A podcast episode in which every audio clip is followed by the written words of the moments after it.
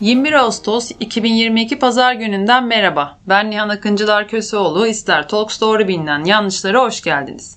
Bu İster Talks doğru bilinen yanlışlar podcast serisi Avrupa Birliği Sivil Düşün Programı duyurmak istiyoruz desteği kapsamında Avrupa Birliği desteğiyle gerçekleşmektedir. İçeriğin sorumluluğu tamamıyla İster İstanbul Siyasal ve Toplumsal Araştırmalar Derneği'ne aittir ve Avrupa Birliği'nin görüşlerini yansıtmamaktadır.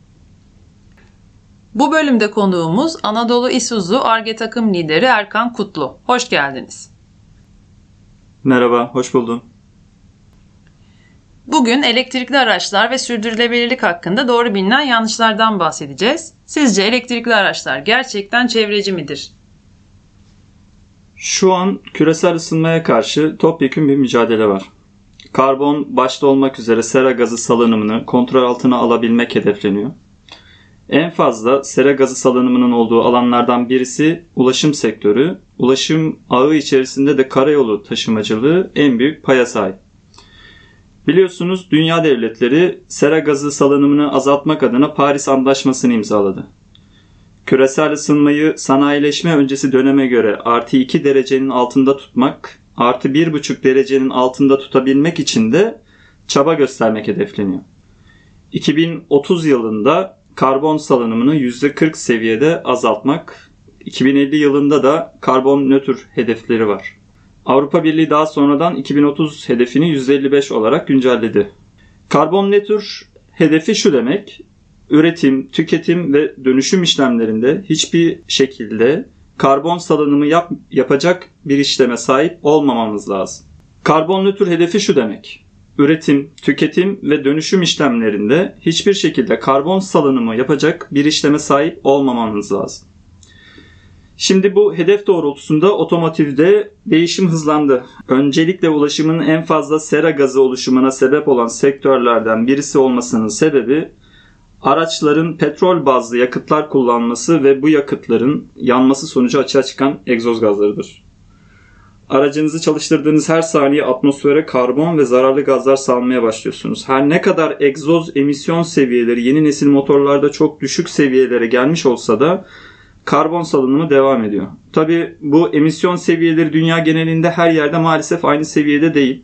Örneğin Avrupa'da ve Amerika'da en üst seviyede iken Asya'da ve Afrika'da daha düşük seviyelerde hatta emisyon seviyesi belli olmayan araçlar dahi kullanılabiliyor, üretilebiliyor durumda.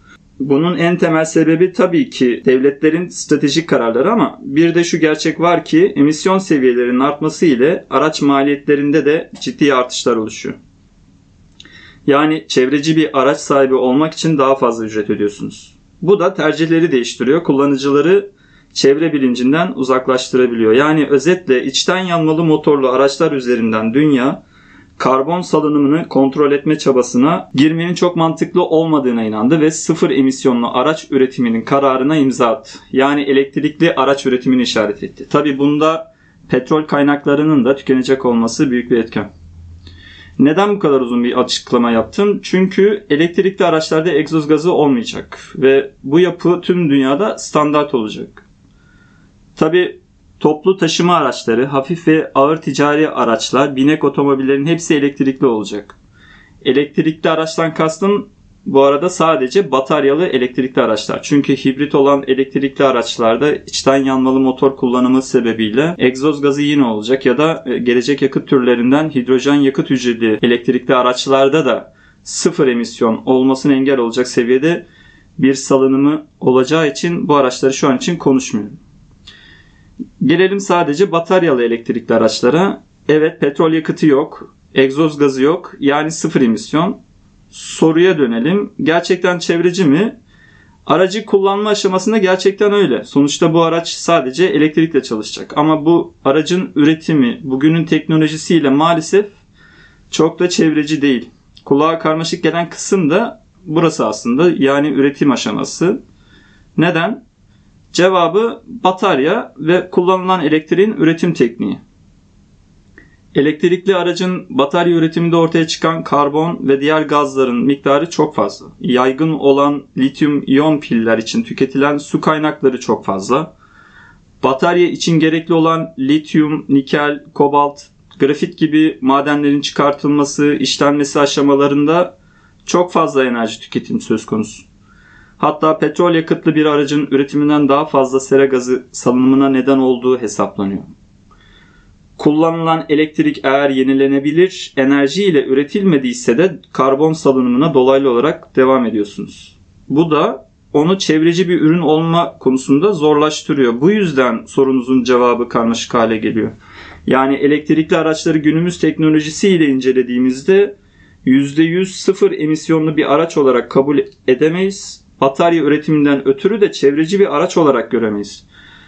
Çok uzun bir zaman dilimi içerisinde de bugünün teknoloji gelişimine bakıldığında sıfır emisyonlu çevreci bir araç da olamayacak görünüyor. Ancak sıfır emisyon için araştırmalar ve çalışmalar var. Sadece uzun bir zaman beklemek durumundayız. Çok teşekkürler. Peki bir diğer iddia da sizin de bahsettiğiniz gibi elektrikli araçlar yarardan çok zarar getirecek iddiası. Bu konuda ne söylemek istersiniz? Aynı şekilde madem durum daha kötü, tüm dünya neden elektrikli araca yöneliyor? Milyarlarca dolar yatırımlar yapılıyor diye de sorulabilir. Buradaki temel husus elektrikli araçların bize kısa vadede değil, uzun vadede kazandıracağı görüştür. Yani az önce de değindiğim gibi araç ömürleri boyunca üretiminden ömrünün bittiği ana kadar doğaya salınacak karbon miktarlarını elektrikli ve petrol yakıtlı olarak karşılaştırdığınızda elektrikli araçta daha az sera gazı salınımı hesaplanıyor. Araştırmalar da bu yönde yapılıyor. Şöyle örneklenebilir hızlıca. Petrol yakıtlı bir aracın üretimi esnasında atmosfere salınan karbon miktarı ortalama 7 ila 10 ton civarı. Elektrikli aracın üretiminde de benzer şekilde ama bataryası hariç. Sadece batarya için eldeki değer 1 kWh için yaklaşık 150 kilogram karbon salınımı olacağı şeklinde. Bu şu demek, ortalama bir menzile sahip binek aracın 60 kWh bataryaya sahip olacağını düşünürsek 9 ton karbon sadece batarya üretiminden gelecek. Batarya kapasitesi yüksek olanın zarar payı da yüksek olacak haliyle. Bu durumda elektrikli aracın toplamda sadece üretiminden gelen karbon salınımı yaklaşık 2 kat daha fazla olacak. Basitçe batarya etkisiyle elektrikli aracın hayatımıza girişi ilk anda çok daha zararlı görünüyor. Ama petrol yakıtlı araç örneğinden devam edersek aracın yakıt tüketimi 1 litre yakıtın üretiminden gelen karbon miktarı, bu yakıtın nakliyesinden gelen karbon gibi faktörleri sadece petrol yakıtlı araç için sayabiliriz. Elektrikli araç için ise kullanılan elektriğin üretimindeki enerji kaynağı türüne göre karbon salınımı asıl ana etken. 2018 yılında yapılan bir araştırmaya göre temiz enerji yoğunluğu fazla olan Avrupa'da benzinli ya da dizel araç yerine elektrikli araç kullanarak %17 ila 30 arası daha az karbon salınımı gerçekleştirilebilir. 2022 yılında ICCT tarafından yapılan son araştırmaya göre de Avrupa merkezli kıyaslamada %66 ile 69 arası daha az sera gazı salınımı olacağı hesaplanıyor. Ama temiz enerji kaynağı düşük olan ülkelerde bu oranın düşeceğini, Hindistan örneğiyle mesela %19 ila 34 arası olacağını belirtiyor. O yüzden bu parametre elektrikli aracın kullanıldığı ülke, o ülkedeki temiz enerji kaynağı yoğunluğuna göre değişkenlik gösterir. Konuyu burada daha da karmaşık hale getiren ise kirlilik ve geri dönüşüm konuları. Yani bir batarya üretmek aslında ciddi bir çevre kirliliği ile mücadele demek. Batarya üretiminde kullanılan elementlerin çıkarılması, işlenmesi süresince kullanılan asitler, tüketilen su kaynakları ve ortaya çıkan radyoaktif atıkların bertaraf edilmesi gibi prosesler var. Belirttiğim 1 kWh karşılığı karbon salınımı değeri aslında bu proseslerin olması gerektiği gibi yapıldığı zaman ait. Yani üretim metodundaki hassasiyetler değişirse sonucu daha da kötüleşecek. Aslında her şey kuralına uygun olsa da çevrecilik konusu burada bir soru işareti olarak kalıyor. Bataryaların geri dönüşümünün nasıl olacağı da hala çok kesin değil. Yakın bir zaman dilimi içerisinde dünya genelinde ciddi bir elektrikli araç popülasyonu caddelerde yer alacak dedik. Ancak bu araçların yaşam döngüsü içerisinde değişimi gereken bataryaları değerlendirecek yeterli geri dönüşüm tesisleri henüz yok. Bu konuda ülkeler çok geç kalmış durumda aslında. Avrupa Birliği 2025'ten itibaren lityum iyon pillerin %65 dönüştürülebilir olmasını istiyor. 2027 itibariyle üreticiler dönüştürülebilir içeriği bildiriyor olmalı. Bu tesisler kurulsa da kullanılmış bataryalar tamir edilerek yeniden kullanılabilir olabilecek mi? Üzerinde harcadığınız eforu da ilave ederek satmaya değer olacak mı? Tamir edilemeyenlerden elementlerin yüzde kaçı tekrar kullanılabilir hale getirilebilecek? Geriye kalan atık nasıl değerlendirilecek ya da nasıl imha edilecek gibi soruların cevabı da elektrikli araçların çevrecilik katsayısını belirleyen unsurlar olacak. Tabii bu konuştuklarımız ömrünü tamamlamış bataryalar için.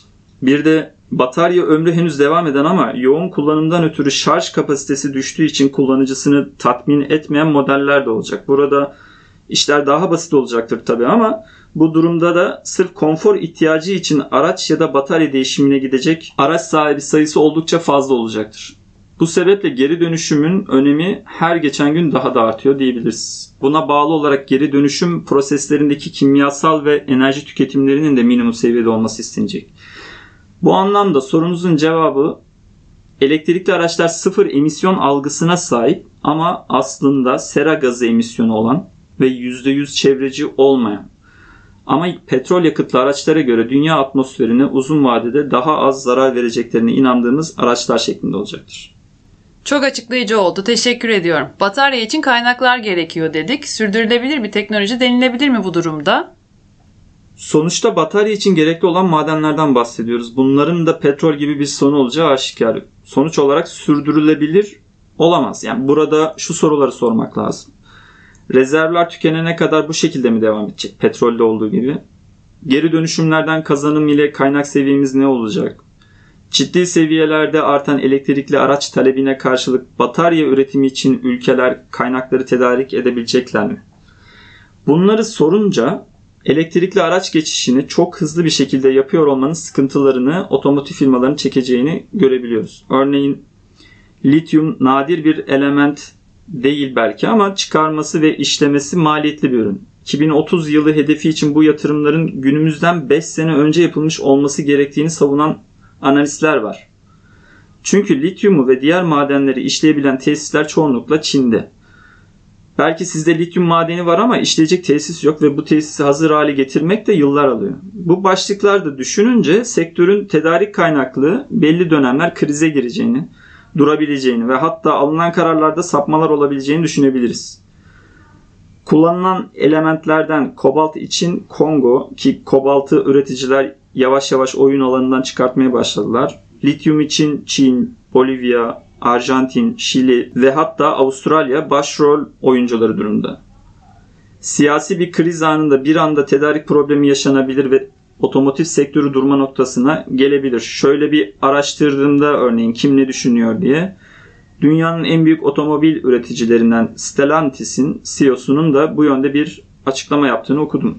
Tabi teknolojinin de sorun çözme üzerine kurulu olduğunu düşününce batarya konusunda da yeni bir teknoloji gelişecek. Şimdiden lityum yerine sodyum kullanımı çalışan ya da lityum bağımlılığını azaltan solid state battery çalışan firmalar var. Tabi burada şunu söylemek lazım.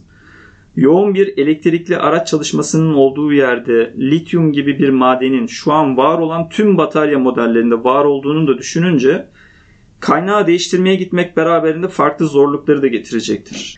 Yeni teknolojiyi sürdürülebilir kılmak da zaman isteyen bir süreç. Dayanıklılık, üretilebilirlik, lojistik, ömür gibi konuları tayin etmek hemen netleşemiyor maalesef. Batarya haricinde elektrikli motorlar içinde de nadir bulunan elementler var örneğin. Çok yaygın olmayan ama var olan permanent magnet motorlarda neodymium, terbium veya disprozyum gibi elementlerin kullanılması gerekiyor. Ya dediğim gibi sorunlar çözülmek için varlar ve teknoloji de bu şekilde gelişiyor. Belki de henüz elektrikli araç dönüşümünün başlangıç aşamasındayız ama daha ilerleme aşamasında iken de bir değişimin gelebileceğini düşünebiliriz. Bir Rusya örneğinde olduğu gibi her şey bir anda değişebilir. Tercihler ağır ticari araçlara, toplu taşıma araçlarına uygulanacak şekilde güncellenebilir. Binek araçlar için alternatif ya da yeniden düşük emisyonlu sistemler çalışılabilir. Hep birlikte yaşayıp göreceğiz. Çok teşekkürler. Son olarak elektrikli araçlarla birlikte elektrik ihtiyacı artacak. Bu yenilenebilir enerji ile karşılanamaz iddiası için neler söylemek istersiniz? Eldeki verilere göre bugün değil belki ama zamanla karşılanabilir. International Energy Agency, Uluslararası Enerji Ajansı'nın tahminlerine göre 2030 yılı itibariyle 145 milyon elektrikli araç yollarda olacak. Bunun içerisinde otomobiller, hafif ve ağır ticari araçların tamamı var. Ama bu araçların hepsi aynı anda şarj olmayacak ya da her gün şarj olmayacak.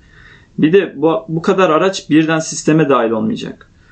Öncelikle bu iddiayı getirirken bunu dikkate almalıyız. Yani bu araçlardan binek olanları gece boyunca evde şarj ile diğerlerini genel olarak hızlı şarj noktalarında şarj edebileceğiz. Evdeki sistem normal şebeke elektriğiyle yani uzun süreli. Hızlı şarj noktalarında ise daha yüksek enerjiyle yani kısa süreli dolumlar mümkün olacak. Evdeki şebeke bu anlamda daha ucuz, hızlı şarj noktaları daha pahalı sistemler olacak. Buna göre de kullanıcıların şarj etme yöntemi tercihlerinde değişiklikler olacaktır. Böyle olunca da elektrik dağıtım ağına gün içerisinde farklı oranda elektriksel yükler binecek. Üretim tesislerine de farklı saatlerde, farklı oranlarda elektrik üretim talebi gidecektir gibi kaba bir hesap yapabiliriz. Bu senaryolara göre her ülke enerji ihtiyacını 2030-2050 yılları arasına göre yapıyor. Tabi bu hesaplamalarda her ülkenin ihtiyacı da farklı olacaktır. Çünkü elektrik üretim kapasiteleri ve üretim teknikleri her ülkenin aynı değil. Ama ortada 2050 yılı gibi sıfır karbon hedefi var. Yani şuna varmaya çalışıyorum. Elektrik enerjisi kömür, doğalgaz, nükleer ve yenilenebilir enerji kaynaklarından yani rüzgar, güneş, hidroelektrik, jeotermal enerji veya biyokütle gibi kaynaklar ile üretiliyor. Bu santrallerin çalışma saatleri, yoğunlukları gün içerisindeki ihtiyaca göre değişecektir. Sadece yenilenebilir enerji ile gece şarjları mümkün olur mu sorusunun cevabı tamamen ülkelerin enerji stratejilerine göre değişir. Gündüz güneş enerjisi, gece rüzgar enerjisiyle elektrik üretimi mümkün. Örneğin Amerika Birleşik Devletleri 2021 yılı verilerine göre elektrik enerji ihtiyacının %20'sini yenilenebilir enerjilerden sağlıyor. İngiltere Mart 2022 verilerine göre %45,5 seviyesinde. Avrupa Birliği'ne bağlı ülkelerden Macaristan'ın ise örneğin 2020 verisine göre %11. Türkiye'nin ise sadece 2021 yılında Enerji ve Tabi Kaynaklar Bakanlığı'na göre %33.4. Ama aslında yenilenebilir enerji kaynaklarının Türkiye'nin kurulu gücündeki payı yaklaşık %50. Yani kabaca Türkiye 2021'de yenilenebilir enerjiden tam olarak istediğini alamamış gibi bir sonuç da çıkabilir. Buna karşılık Norveç ve İzlanda 2020 yılında tükettiğinden daha fazlasını yenilenebilir enerji kaynaklarından üretebilmiş.